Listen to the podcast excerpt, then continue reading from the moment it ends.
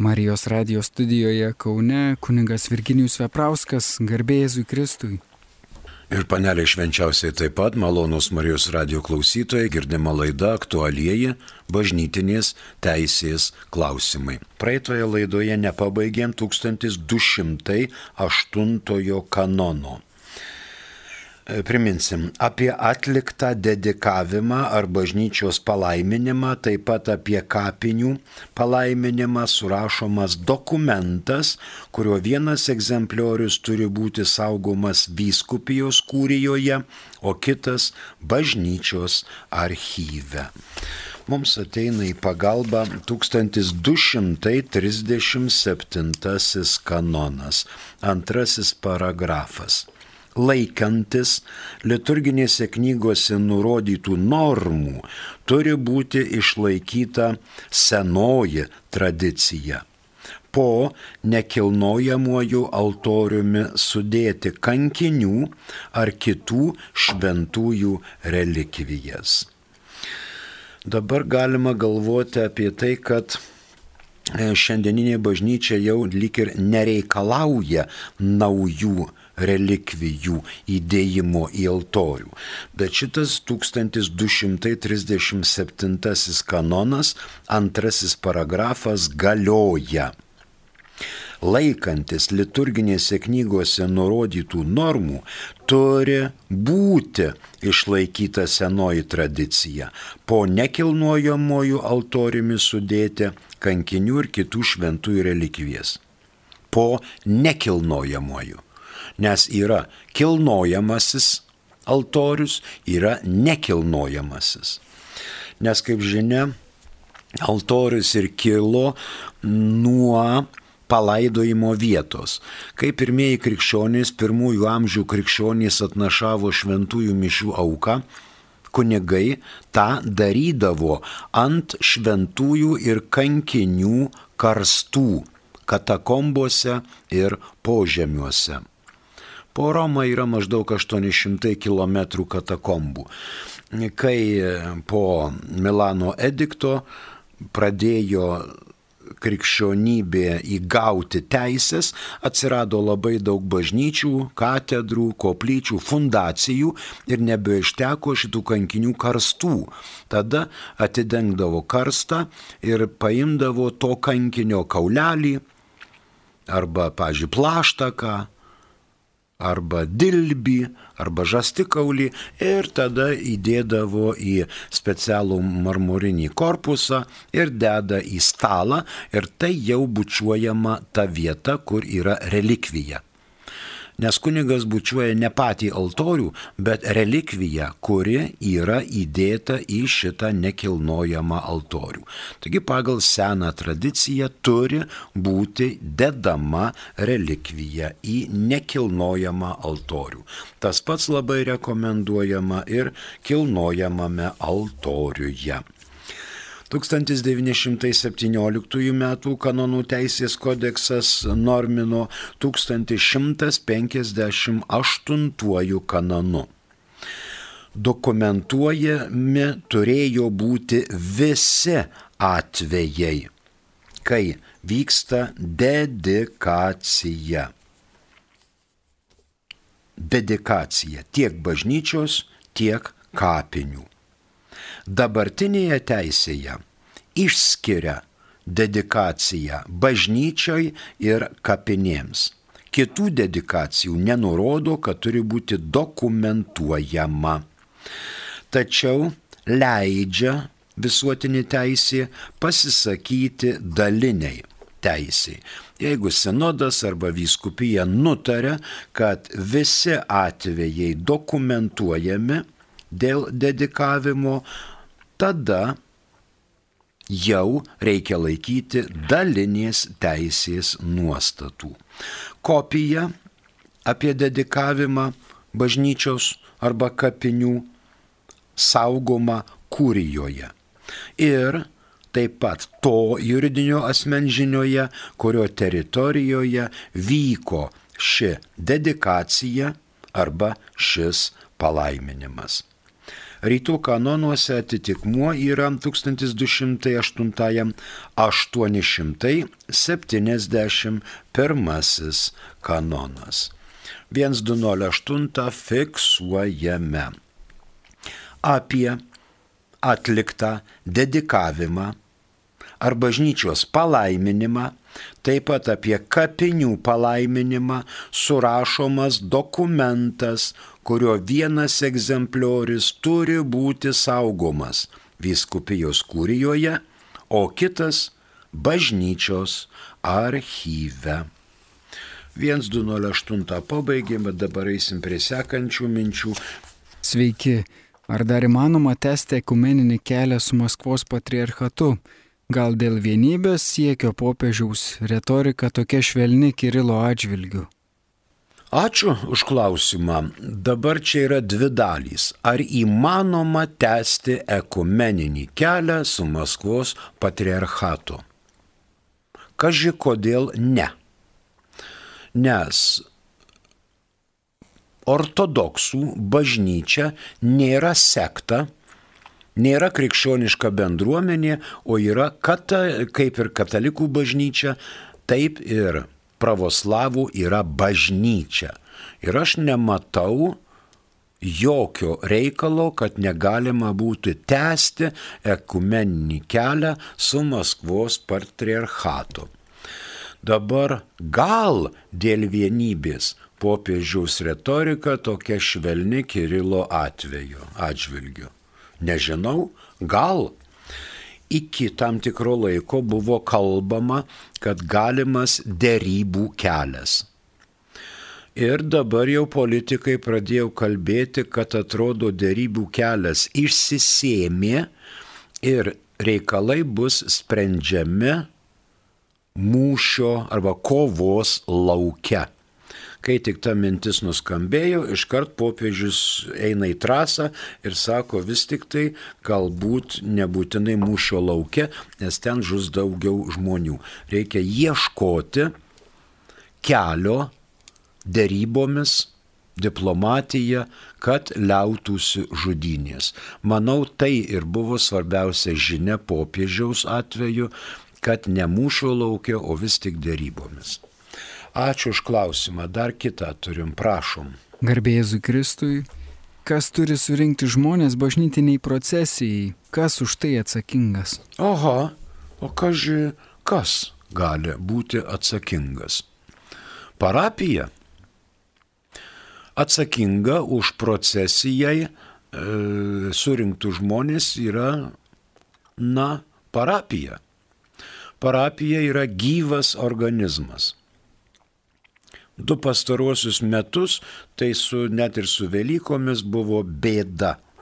Buvo užkaltos bažnyčių durys, visi lauk, šveskite prie televizorių, nesirodykite čia, kad neužkrėstumėte ir neužsikrėstumėte. Dabar nuo gegužio mėnesio, nuo gegužės jau bus atlaisvintas šitas pandemijos ir karantino laikotarpis ir leidžiama nedėvėti kaukių net ir bažnyčioje. Leidžiama naudoti šventintų vandeniu ir taip toliau.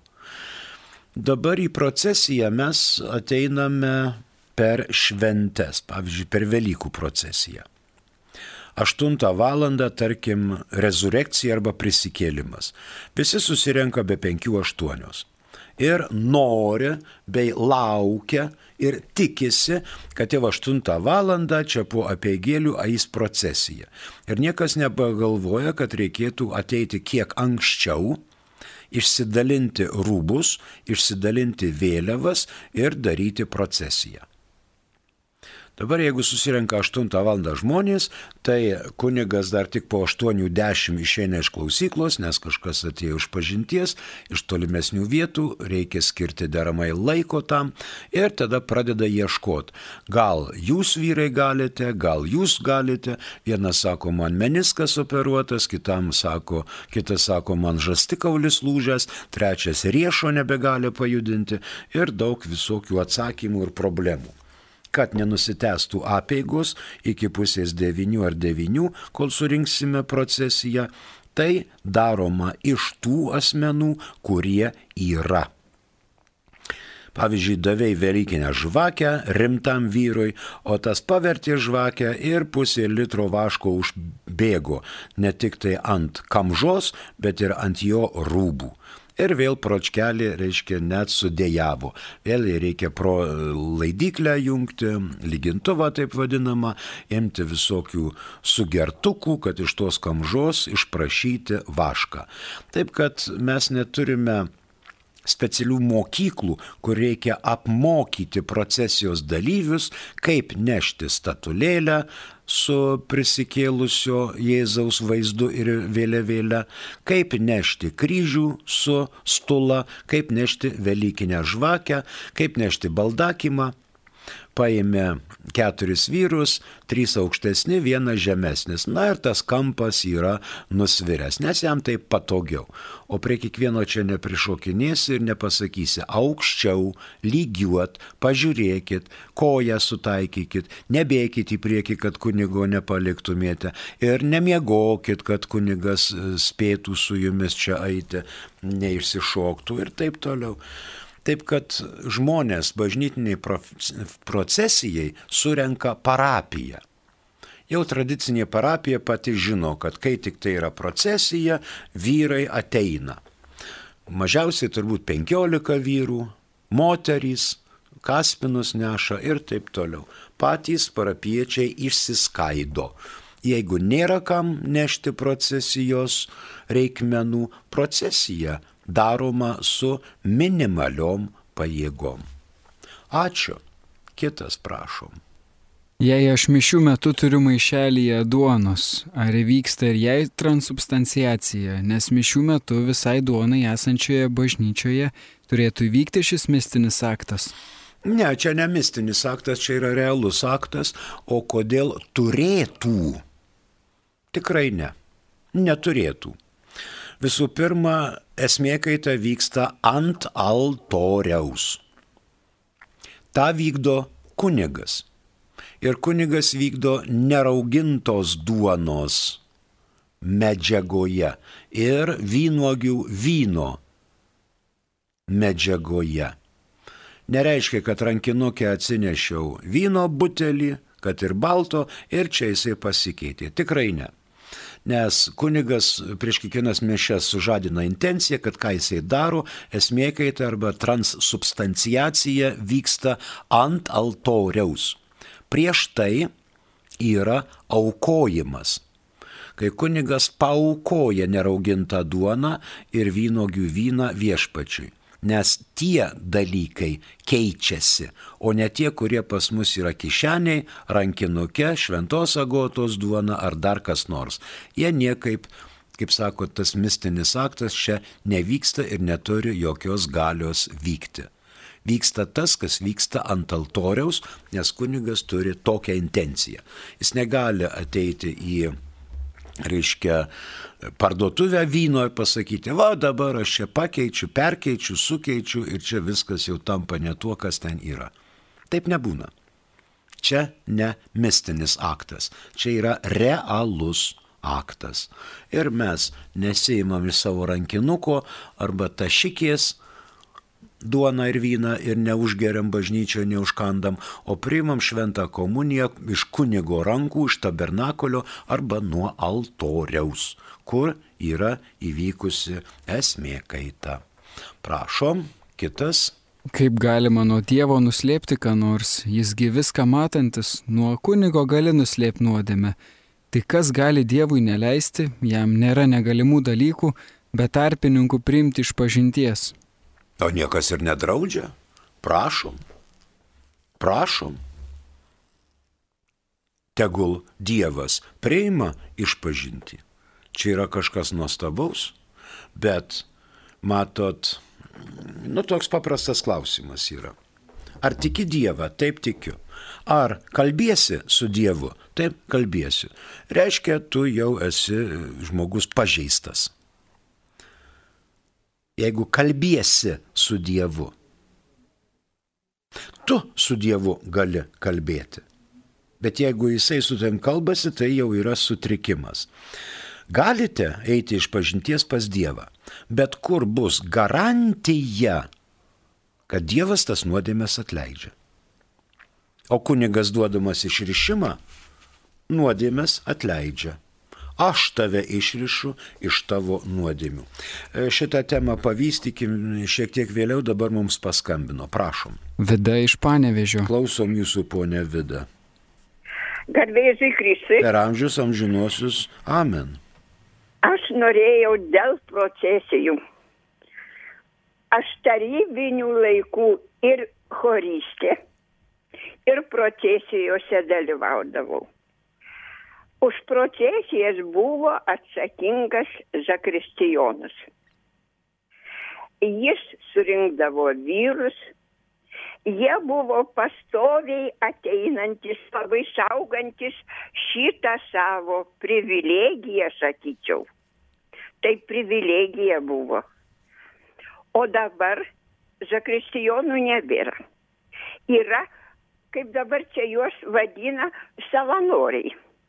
Tai kas tam savanoriui svarbu, ar ten bus procesija, ar nebus. Jis vieną sekmadienį atėjo, kitą sekmadienį ateis, kitas savanoris.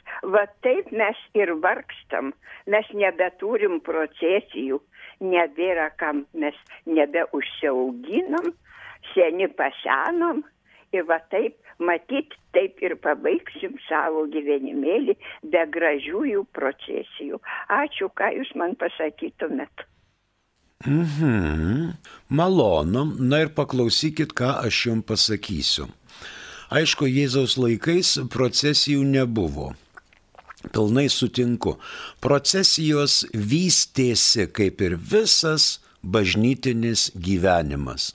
Vystėsi vystėsi ir vystėsi, kol galų gale atėjo laikas, kaip pradėjo. Čia po to trečio Žečpospolitos padalinimo po 1795 metų. Tada jau mes buvom padalinti po abiejų tautų respublikos.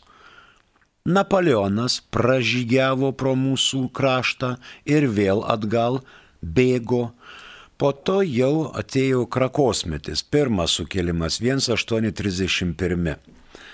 Visokie karmelitai von iš čia, kamalduliai von iš čia, kontemplatyvieji uždaromi, caro valdžia pasakė, Dievas yra tik tai pravoslavų bažnyčioj. O čia su savo katalikiškom pažiūrom, su savo popiežiais dinkit iš akių. Atėjo 1864 jau pasirodo ir universitetas nebereikalingas. Uždarom, uždraudžiam spaudą lotiniškais rašmenimis. Užtenka. Viena tauta, viena valstybė ir vienas reichas - Kirilica. Ir tėvė mūsų rusiškom raidėm visi kalė, reiškia tėvė mūsų. Rimšo skultūrėlę pažiūrėkite prie Kauno karo muziejaus. Vargo mokykla. Kaip ratelį mindama, mamytė močiutė mokė jonelį pažinti raideles. Uždaro universitetus, kur mūsų hebrytė eina mokytis. Į Seinų seminariją, į Mogiliovą, į Liepoją, net ir Smetona bei, bei Teofilius Matuljonis palaimintasis, taip pat Liepojos realinę gimnaziją baigė. Nes čia nebuvo, čia buvo, reiškia, vakarų kraštas kažkoks imperijos. Ir dabar viskas uždaryta. Tai pradėjo nuo vienuolynų ir baigė inteligentiją universitetais raš, raštą uždraudė. Taip ir nyko, nyko, nyko. Atėjo didžioji spalio socialistinė revoliucija, kuri mus pasiekė tik tai mm, taip 40-ais, tarkim savo.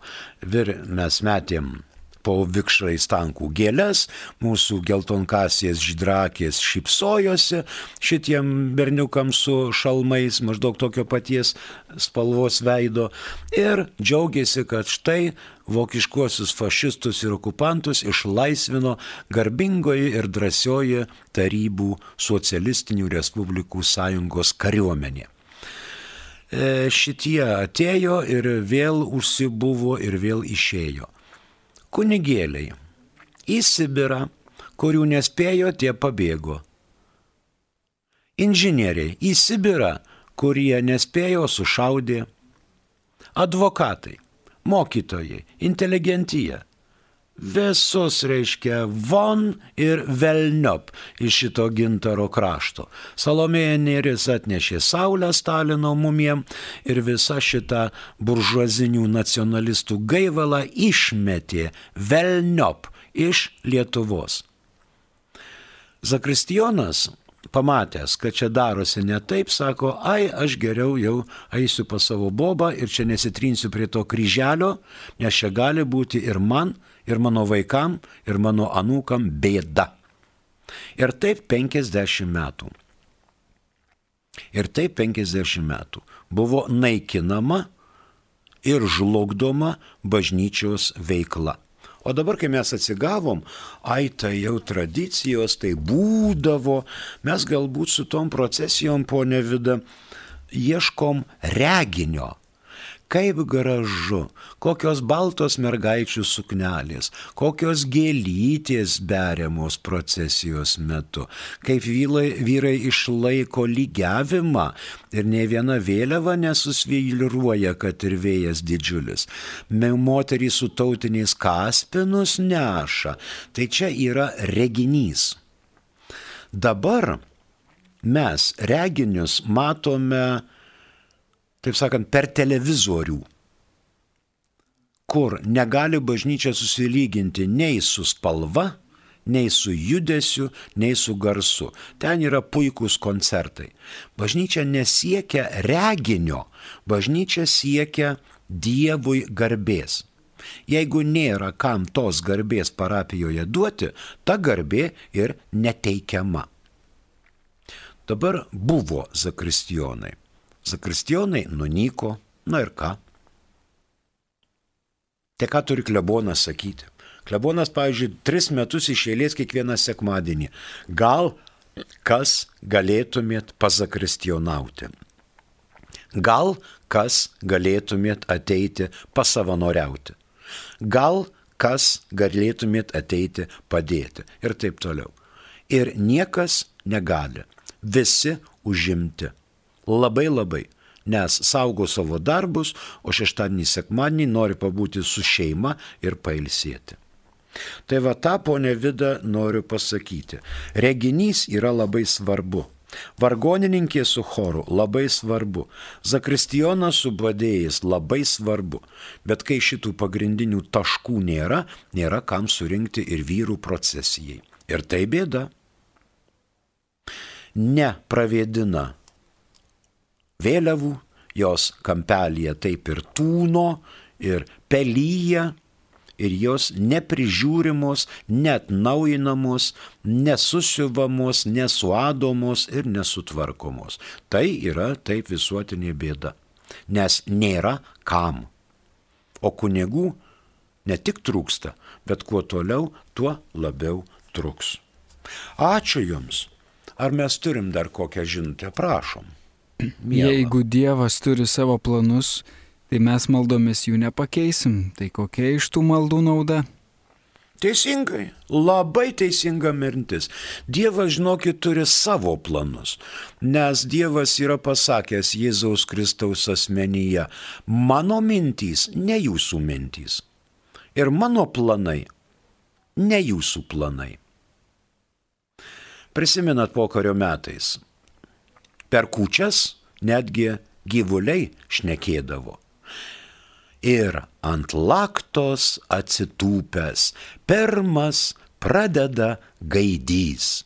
Ar jūs žinot, tvarto ponai, ar jūs žinot, ar jūs ne, ką planuotojai sumastė šitam penkmečio plane.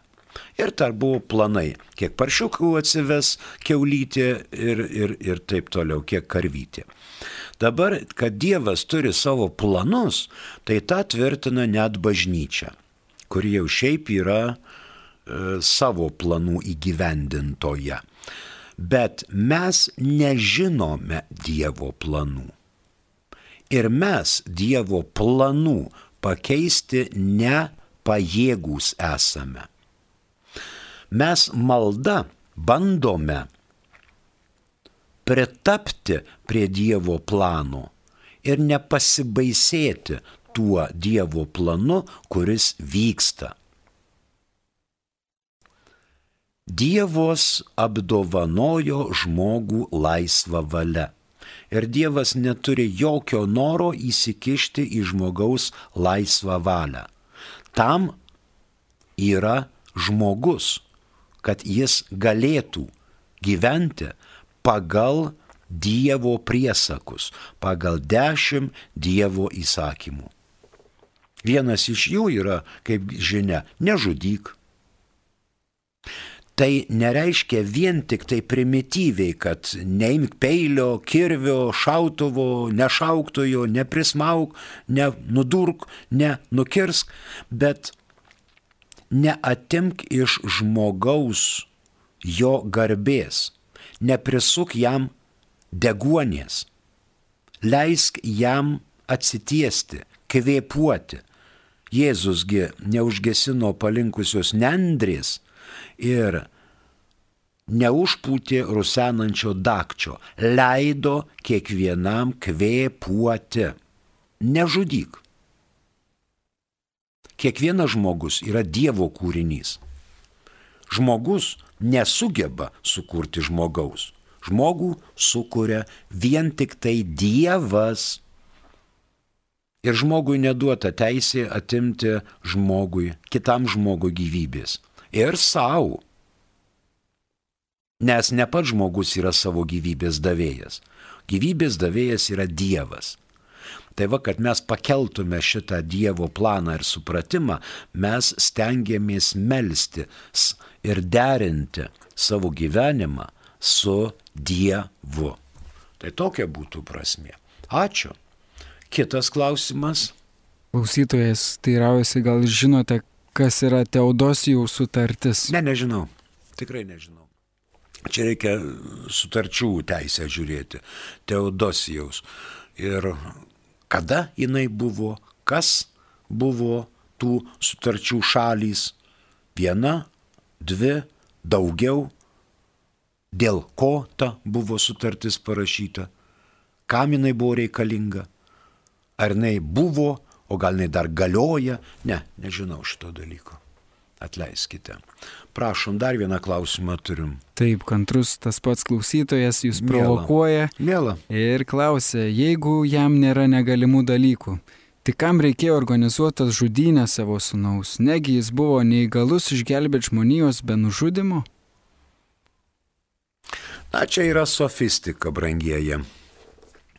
Dievui nėra negalimų dalykų. Ir ne Dievas organizavo sūnaus žudynės, bet žmogus savo nuodėmę suorganizavo Jėzaus Kristaus žudynės. Nes po gimtosios nuodėmės, kai Adomas ir Jėva nepakluso Dievo įsakymui, buvo išvykti iš rojaus, Prie rojaus vartų buvo pastatytas arhangelas su ugniniu kalaviju, kad žmogus ten negrįžtų ir buvo pasakyta, varyk iš čia ir lauk, kol ateis išganytojas ir atpirks krauju tavo nuodėmę. Taip ir buvo žmonės tūkstančius metų laukė, laukė, laukė, kol gimė išganytojas, Dievas sūnus ir Dievo sūnus. Ir jis savo krauju atpirko žmoniją nes kančia buvo priklausanti dieviškam asmeniui, todėl turi dievišką atperkamąją vertę ir visus mus atpirko. Bet be mūsų išganyti Dievas mūsų negali. Mes turime to norėti ir siekti. Bet Dievas, kad neįgalus, tai čia galbūt žmogus labiau neįgalus. Dievas nėra neįgalus. Dabar išgelbėjo žodį, žmoniją be nužudymo. Nužudymas tai yra nužudymas. Tai yra kraujo auka. Nuo pat žmonijos sutvėrimo išrinktoji tauta, monoteistinė tauta vykdė aukojimus, kruvinasias aukas, aukojo Dievui raguočius, stambius, smulkius ir Seno testamento kunigai buvo iki alkūnių susikruvinę prie altoriaus, nes pijovė. Ir ten bliovimai buvo, ten reikėjo mėsą, kraują tvarkyti ir visus kitus dalykus. Lygiai tas pats dabar vyksta ant bažnyčių altorių kunigų vedamų mišių, tik tai nekruvinu būdu. Tik nekruvinu būdu. Ačiū dar kažką turime, prašom. Jeigu žmogus avarijoje žus be patepimo ir išpažinties, ar jis bus pragare, negi dora meilė gali atstot patepimus ir pakrapijimus. O kas yra pakrapijimas? Matot, jeigu žmogus avarijoje žus be patepimų ir, pažin, ir išpažinties, ar jis bus pragare? Jūs turbūt prisiskaitėte kažkokių tai bezdaliukų.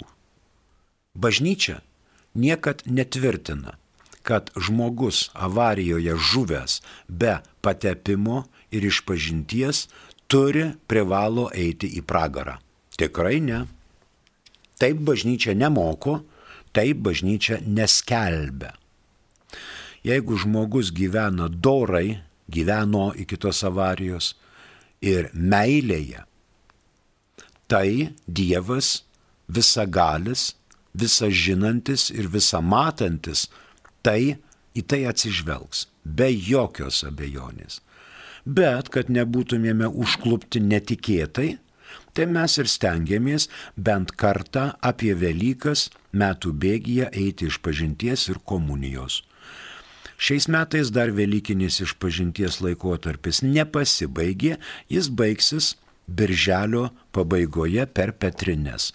Kad nebūtų netikėtumų dėl žuvimo autoavarijoje, vis tiek mes tengiamės nueiti ir atsiprašyti Dievą bent už paskutinių metų padarytas nuodėmes ir pasistiprinti Eucharistinę duoną šventąją komuniją, nes yra įsakyta ir turi katalikas pareigą bent kartą metuose apie Velykas atlikti išpažinti ir primti šventą komuniją. Dabar ar dora ir meilė gali atstot patepimus ir pakrapėjimus. Bažnyčia administruoja septynis sakramentus. Jų tarpe ne tik tai krikštą, sutvirtinimą, kunigystę, bet ir ligonių patepimą. Ir kunigas negali savo norų, kaip jis pats susigalvoja vykdyti, kaip sakėt, patepimus arba pakrapijimus. Yra liturginės knygos lietuvių kalba, gimtają kalbą, Jeigu nepatinka, galim naudoti ir lotynų kalbą. Lietuvos viskupų konferencijos patvirtintas, aprobuotas, nusiustas į apaštalų sostą ir ten dar kartą peržiūrėtos ir šitos knygos tekstai leidžiami naudoti Lietuvoje. Kiekvienos parapijos lentynėlėje yra apeigynai. Jeigu yra ligonis, kunigas ima apeigyną, aliejus, apdarus, sutaną, kamžą, stulą, krapylą ir eina pas ligonį. Ir vykdo ligonio patepimo apeigas pagal numatytą programą. Štai yra maldos, štai yra tekstai, štai yra veiksmai. Šalia kitų veiksmų yra ne tik patepimas, bet ir pašlakstymas bet ne pakrapijimas. Tas veiksmas vadinasi pašlakstymas, bet ne pakrapijimas. Krapyt gali lietutis ant lietsargio, kai mes stotelėje laukiam autobuso ar tramvajaus.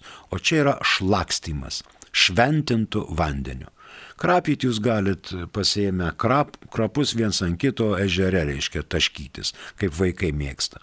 Čia yra pakrapimas, o kunigas šlaksto.